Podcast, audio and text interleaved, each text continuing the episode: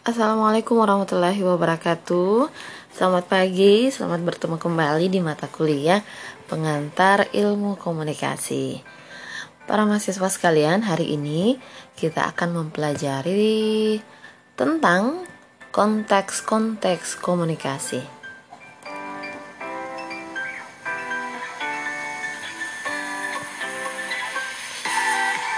Nah, konteks-konteks komunikasi. Apa yang dimaksud dengan konteks-konteks komunikasi?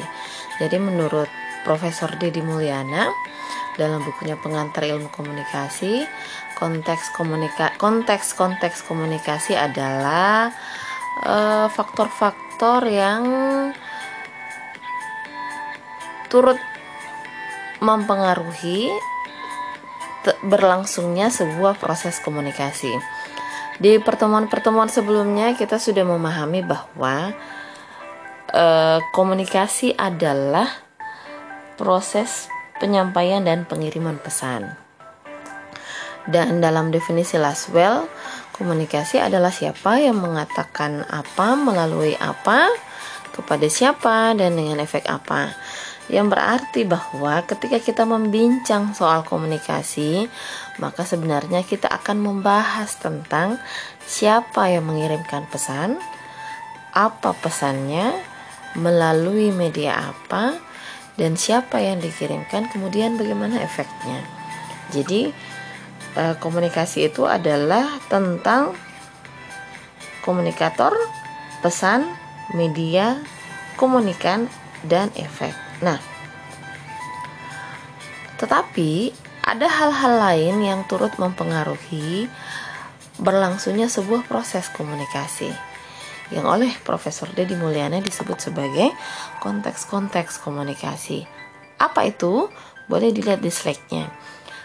Ada yang disebut dengan faktor fisik, ada faktor psikologis, ada faktor sosial, dan juga ada faktor waktu.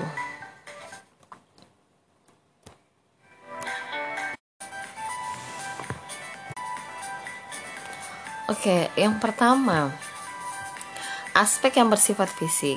Yang mana saja yang disebut sebagai aspek fisik dalam proses komunikasi yakni iklim, cuaca, suhu udara, bentuk ruangan, eh, penataan tempat duduk, dan lain-lain sebagainya. Kok bisa aspek-aspek itu mempengaruhi berlangsungnya proses komunikasi? Coba bayangkan jika kita terlibat dalam sebuah proses komunikasi, kemudian menemukan apa yang disebut noise. Jadi, noise dalam istilah komunikasi adalah faktor-faktor yang menjadi penghambat terjadinya proses komunikasi. Misalnya kita sedang berdiskusi dengan teman di sebuah ruangan sempit yang sirkulasi udara tidak lancar sehingga udaranya menjadi panas. Kira-kira akan efektifkah proses komunikasi itu? Saya rasa tidak. Karena suasananya menjadi karena suasananya ruangannya panas, eh, pengap, dan orang banyak berkumpul di dalamnya, otomatis proses komunikasi menjadi terhambat. Kenapa? Karena orang menjadi tidak nyaman, orang menjadi tidak uh, tidak nyaman, tidak nyaman dalam berkomunikasi. Apa yang terjadi? Bisa jadi obrolan atau apa yang kita bicarakan berhenti di tengah jalan. Begitupun misalnya dengan uh, warna dinding, kok bisa warna dinding mempengaruhi uh, proses komunikasi? Itulah mungkin mengapa para desain-desain interior itu sangat menekankan warna pada penataan sebuah ruangan. Katanya, warna itu turut mempengaruhi kondisi emosional orang di dalam orang yang tinggal di ruangan itu. Bisa jadi uh, dalam dalam warna ruangan dalam warna ruangan tertentu orang akan menjadi nyaman. Orang akan jauh lebih comfort ketika berkomunikasi dengan seseorang. Sederhana kedengarannya tetapi ya itulah hal-hal ini turut mempengaruhi berlangsungnya proses komunikasi.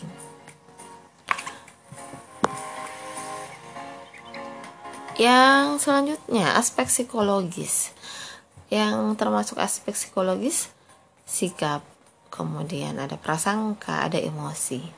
Kira-kira apa yang terjadi ketika kita berkomunikasi dengan orang yang uh, kita ketahui bahwa dia memiliki tidak dia memiliki sikap yang tidak baik kepada saya atau apa apa kira-kira efeknya ketika kita berkomunikasi dengan seseorang yang kepadanya kita telah memiliki prasangka tertentu. Misalnya, saya ketemu di jalan sama si Ani gitu. Anggap saja begitu. Sementara sebelumnya, saya sudah punya informasi tentang si Ani. Informasi yang negatif sehingga saya berprasangka yang negatif juga tentang dia. Ani itu misalnya orangnya pemarah, Ani itu misalnya suka bergosip, sehingga ketika saya terlibat pembicaraan dengan si Ani, saya pun menjadi sangat berhati-hati.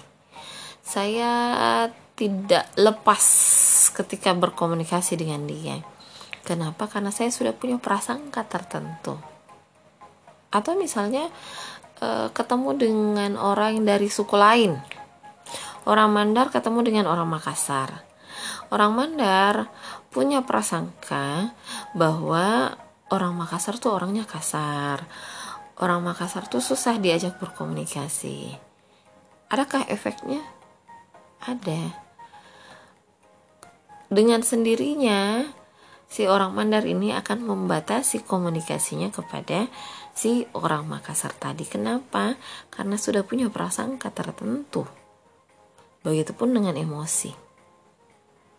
Ketika kita berkomunikasi dengan emosi yang tidak bisa dikendalikan, maka akan membuat proses komunikasi menjadi tidak efektif. Akan berhenti di tengah jalan. Jadi, seseorang yang memahami komunikasi seharusnya mampu mengendalikan sikap, prasangka, emosi ketika kita berkomunikasi dengan orang lain. Itulah apa yang disebut dengan aspek psikologis.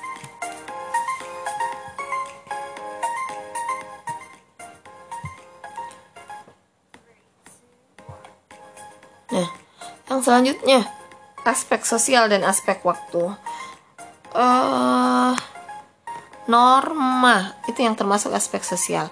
Norma kelompok nilai sosial dan karakteristik budaya. Ya pasti. Dengan sendirinya ini akan mempengaruhi proses komunikasi ketika kita berkomunikasi dengan seseorang. Sangatlah salah ketika kita tidak mengenal siapa lawan bicara kita harusnya ketika kita berkomunikasi dengan orang lain kita mengenal lawan bicara kita siapa. Paling tidak gitu ya ketika orang kalau orangnya sudah diketahui. Kalau orangnya kita tidak pernah ketemu sebelumnya ya lain lain, lain lagi ceritanya. Diketahui harus tahu dia dia orangnya bagaimana. Asalnya dari mana. Dia sukanya ini dia suka dibercandai atau tidak suka dibercandai. Kalau sudah tahu orangnya tidak suka dibercandai, ya janganlah suka bercanda sama dia gitu. Atau dia kita sudah tahu dia misalnya asal sukunya dari Makassar. Ya harusnya tahu kalau orang Makassar tidak sedang dengan hal-hal tertentu. Ya janganlah melibatkan itu dalam proses komunikasi. Intinya adalah penting untuk mengetahui siapa lawan bicara kita. Sehingga kita akan terhindar dari hal-hal gagal berkomunikasi karena tidak memahami norma kelompok, nilai-nilai dan karakter budaya. Kenapa? Karena tidak jarang orang terlibat konflik orang terlibat konflik dengan lawan bicaranya karena tidak memahami ini. Uh, misalnya uh, jemaah apa ya? Ini contoh ya contoh ya. Misalnya jemaah wahda Islamiyah ketemu dengan jamaah yang non wahda tiba-tiba nih tanpa sengaja terlibat dalam proses komunikasi akhirnya dalam pembicaraannya terjadi hal-hal yang menyinggung uh, jemaah wahda Islamiyah ini. Ini hanya contoh ya.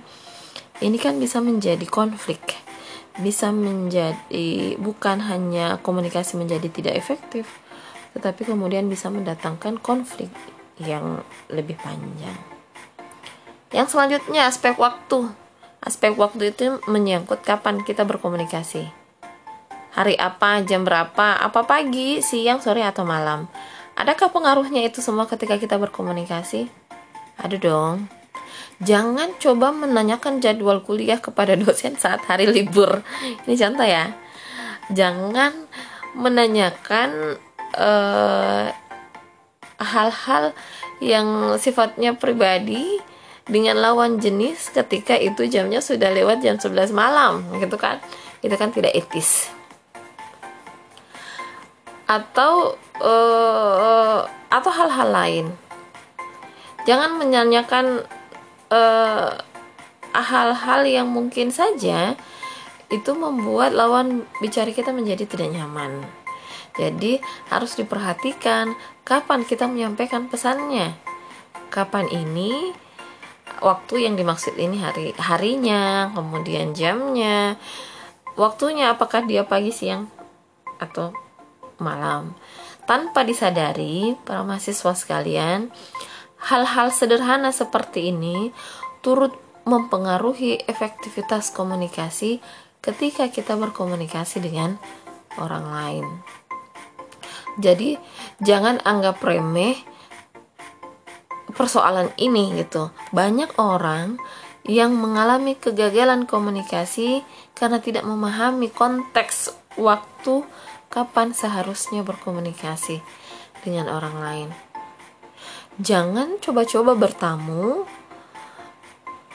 ke rumah gebetan misalnya eh, di waktu menjelang jam 12 malam. Oh ngamuk tuh mamanya.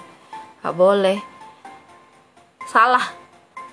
Atau eh, jangan coba menelpon berkali-kali di pagi hari gitu. Sesaat setelah sholat subuh. Menelpon pertama tidak diangkat. Kemudian mencoba lagi menelpon menelpon terus. Karena bagian bagi sebagian orang eh, subuh menjelang pagi itu adalah bukan waktu yang tepat untuk berkomunikasi gitu. Ya lain lagi kalau orangnya memang suka dihubungi jam-jam segitu ya. Tetapi bagi kebanyakan orang waktu-waktu itu kan digunakan untuk ibadah jadi sebisanya menghindari uh, menghubungi di jam-jam yang bagi kebanyakan orang itu adalah waktu istirahat, waktu ibadah dan lain-lain sebagainya. Kedengarannya sepele kan? Tetapi inilah aspek waktu ini sangat menentukan keberhasilan ketika kita berkomunikasi dengan orang lain.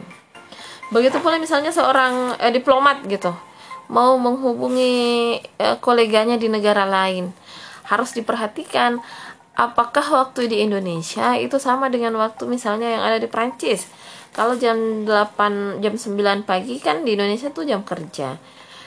Di Prancis tuh jam berapa ya? Apakah timingnya cocok untuk melakukan negosiasi atau tidak? Itu harus diperhatikan jadi faktor-faktor fisik, psikologis dan aspek sosial, aspek sosial dan aspek waktu itu adalah faktor-faktor yang turut mempengaruhi keberhasilan atau uh, efektivitas berlangsungnya proses komunikasi. Nah, selanjutnya coba perhatikan model piramid terbalik itu. Itu adalah tipe-tipe komunikasi menurut Dennis McWile. Dennis McWile membagi tipe-tipe komunikasi menjadi enam bagian. dikerucut paling bawah ada yang disebut sebagai komunikasi intrapersonal. Kemudian di atas lagi ada komunikasi antar personal. Selanjutnya ada komunikasi kelompok, di atasnya lagi ada komunikasi organisasi, komunikasi publik sampai kepada yang terakhir yang paling lebar wilayahnya adalah komunikasi massa. Kita akan bahas satu-satu ya. Oke. Yang pertama, komunikasi antar pribadi atau disebut juga sebagai interpersonal communication. Kenapa komunikasi ini berada paling bawah? di piramida terbalik ini dia berada pada lapisan paling dasar, berada di lapisan terbawah dan paling kecil. Komunikasi antar pribadi eh, komunikasi intra pribadi atau intrapersonal communication adalah komunikasi yang terjadi dengan diri sendiri. Berarti komunikatornya kita saya misalnya komunikatornya saya komunikannya juga saya. Biasanya proses komunikasi ini terjadi secara sadar dan tidak sadar. Uh, pernahkah mengalami komunikasi dengan diri sendiri? Kira-kira contohnya apa ya?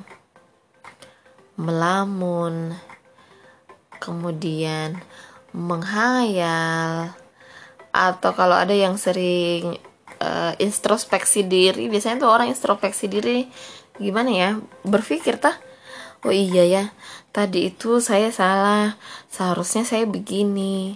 Itu kan berkomunikasi dengan diri sendiri. Siapa komunikatornya? Diri kita. Siapa komunikannya? Diri kita sendiri. Kenapa daerahnya paling kecil? Karena komunik komunikatornya diri kita sendiri. Kecil. Efeknya ketika kita melamun ketika kita menghayal ketika kita introspeksi diri adakah efeknya? Ada. Introspeksi diri misalnya biasanya efeknya akan menjadikan kita menjadi lebih baik. Sadar oh iya tadi itu salah harusnya saya begini. Efeknya adalah besok-besok tidak akan mengulangi lagi hal yang sama. Komunikasi intrapribadi atau komunikasi intrapersonal. Jadi kalau menemukan kata intra, intra itu artinya di dalam. Gitu toh? Atau contoh lain, menulis. Siapa yang suka menulis? Biasanya orang tuh menulis uh, menulis kan sambil berpikir toh. Nah, pikir dipikir dulu apa yang mau ditulis. Dipikir kemudian ditulis saya misalnya membuat kalimat gitu. Itu kan dipikir dulu. Setelah dipikir baru ditulis. Atau sedang membaca buku misalnya. Setelah membaca buku atau biasanya tuh buku novel. Kalau kita baca buku novel kan suka dibayangkan tuh ya. Biasa suka suka suka kita suka berimajinasi. Ada alur ceritanya terus kita imajinasikan menurut kita visual divisualkan menurut kita. Itu adalah bentuk komunikasi antar pribadi atau intrapersonal communication. Yang kedua, komunikasi antar pribadi atau interpersonal communication. Nah, kalau tadi komunikasi dengan diri sendiri, komunikasi antar pribadi ini ada lawannya komunikasi antara satu orang dengan orang lain biasanya dilakukan secara tatap muka. Tapi kan sekarang sudah ada media-media komunikasi antar pribadi. Orang bisa berkomunikasi antar pribadi walaupun tidak bertatap muka. Ada WhatsApp, ada video call, dan lain-lain sebagainya. Ada messenger yang gratis tuh. Jadi komunikasi yang terjadi antara satu orang dengan orang lain. Apa yang membedakan dia dengan komunikasi uh, intrapribadi? Komunikasi antar pribadi, antar pribadi atau interpersonal communication ini ada komunikannya, ada komunikatornya. Misalnya saya ber bincang dengan temanku curhat gitu curhat dengan salah seorang teman curhatnya tentang pekerjaan misalnya siapakah siapa yang bertindak sebagai komunikatornya dan siapa yang bertindak sebagai komunikannya? Yang bertindak sebagai komunikatornya adalah saya. Dan yang bertindak sebagai komunikannya adalah teman saya. Nah biasanya komunikasi antar pribadi ini lebih efektif dibanding dengan bentuk dengan bentuk komunikasi yang lain. Kenapa? Ketika kita bertatap muka atau ketika kita berkomunikasi secara langsung dengan seseorang kita bisa melibatkan uh, komunikasi verbal dan non verbalnya kalau kita curhat kita bisa lihat kalau ada teman yang curhat kita bisa lihat dia lagi sedih karena dia meneteskan air mata. Kalau temannya curhat tentang hal-hal yang menyenangkan kita bisa lihat dia ketawa ketawa sambil pukul-pukul uh, ini misalnya pukul-pukul lengannya jadi ada sentuhan ada tatapmu ada tatapan mata. Uh, sehingga bentuk komunikasinya jauh lebih intens. Kenapa? Karena melibatkan perasaan melibatkan emosi dan lain-lain sebagainya. Selain itu komunikasi antar pribadi juga uh, sangat memungkinkan orang untuk saling bertukar informasi. Jadi kalau kita curhat dengan teman tak, kita bisa lihat dengan cepat responnya bagaimana. Kalau kita sedih mungkin kita dipeluk, dielus-elus kepalanya, ditenangkan. Sehingga uh, atau atau atau dia malah memberi nasihat ketika kita curhat. Sehingga proses komunikasi yang terjadi adalah proses komunikasi timbal balik ada umpan baliknya. Nah, berarti kalau ada umpan balik, saya bisa menjadi komunikator, bisa juga menjadi komunikan karena saya menerima pesan dari lawan bicara saya. Begitu juga dengan lawan bicara saya, dia bisa menjadi komunikan, juga bisa menjadi komunikator. Itu adalah komunikasi antar pribadi. Nah, yang selanjutnya komunikasi kelompok. Kelompok itu apa sih? Kelompok adalah sekelompokan orang yang mempunyai tujuan bersama dan berinteraksi satu sama lain. Cuman bedanya dengan organisasi, organisasi itu biasanya lebih formal. Gitu kan kalau kelompok kan tidak. Kalau kelompok itu dia terjadi dia dibentuk secara sukarela. Misalnya kelompok diskusi arisan keluarga itu namanya kelompok. Jadi eh, komunikasi yang terjalin di dalamnya adalah komunikasi yang melibatkan bukan hanya satu orang tetapi banyak orang. Ada tuh kelompok arisan yang sukanya janjian setiap bulan komunikasinya komunikasinya bukan hanya antara si Ani dengan si Wati, tetapi antara si Ani, si Wati, si Mila, si Nirma dan lain-lain sebagainya. Komunikasi kelompok. Jadi eh, bisa jadi komunikatornya satu, komunikannya banyak atau secara bergantian komunikannya banyak komunikatornya satu. Jadi gitu. Bukan hanya satu komunikator bukan hanya satu komunikan tetapi banyak. Oke? Yang selanjutnya adalah komunikasi publik. Pernah pernah ikut seminar? Pernah ikut tablik akbar? Pernah nonton konser musik? Pernah apa lagi ya? Pernah ikut kampanye itu adalah bentuk-bentuk komunikasi publik. Jadi komunikasi publik adalah komunikasi antara seorang pembicara dengan sejumlah besar orang. Satu komunikatornya, komunikannya banyak. Tablik akbar itu misalnya, siapa yang bertindak sebagai komunikator? Ustadznya. Komunikannya adalah orang yang datang mendengarkan ceramah. Konser musik dangdut Siapa yang jadi komunikatornya? Penyanyinya. Siapa yang jadi komunikannya? orang yang nonton konsernya banyak kan jadi komunikatornya satu komunikannya banyak itu adalah ciri komunikasi publik karena komunikannya banyak biasanya komunikasi ini terjadi di tempat-tempat umum misalnya lapangan tempat ibadah atau auditorium dan lain-lain sebagainya. Biasanya dia terjadi karena memang sudah direncanakan. Tablik akbar itu kan sudah direncanakan oleh panitia penyelenggaranya. Sudah ditetapkan waktunya. Begitu juga dengan konser musik. Sudah ditetapkan waktunya sehingga di waktu yang sudah ditentukan orang-orang datang berkumpul bersamaan. Dan ciri lain dari komunikasi publik ini adalah komunikatornya komunikatornya tidak harus mengenal siapa komunikannya. Komunikatornya tidak harus mengenal siapa publiknya. Si penyanyi dangdut di konser musik itu dia tidak harus kenal satu-satu siapa yang datang menonton. Begitu saja dengan ustadz yang ceramah di acara tablik akbar dia tidak mesti mengenal yang datang menonton ini umurnya berapa, hobinya apa, tinggalnya di mana, pekerjaannya apa, tidak harus. Jadi komunikasi publik adalah komunikasi yang terjadi antara seorang pembicara dengan banyak orang. Itu yang disebut dengan komunikasi publik.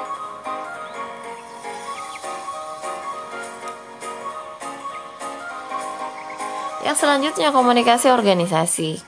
Nah, sama tadi dengan komunikasi kelompok, tetapi apa yang membedakan organisasi dengan kelompok? Kalau organisasi itu dia lebih formal.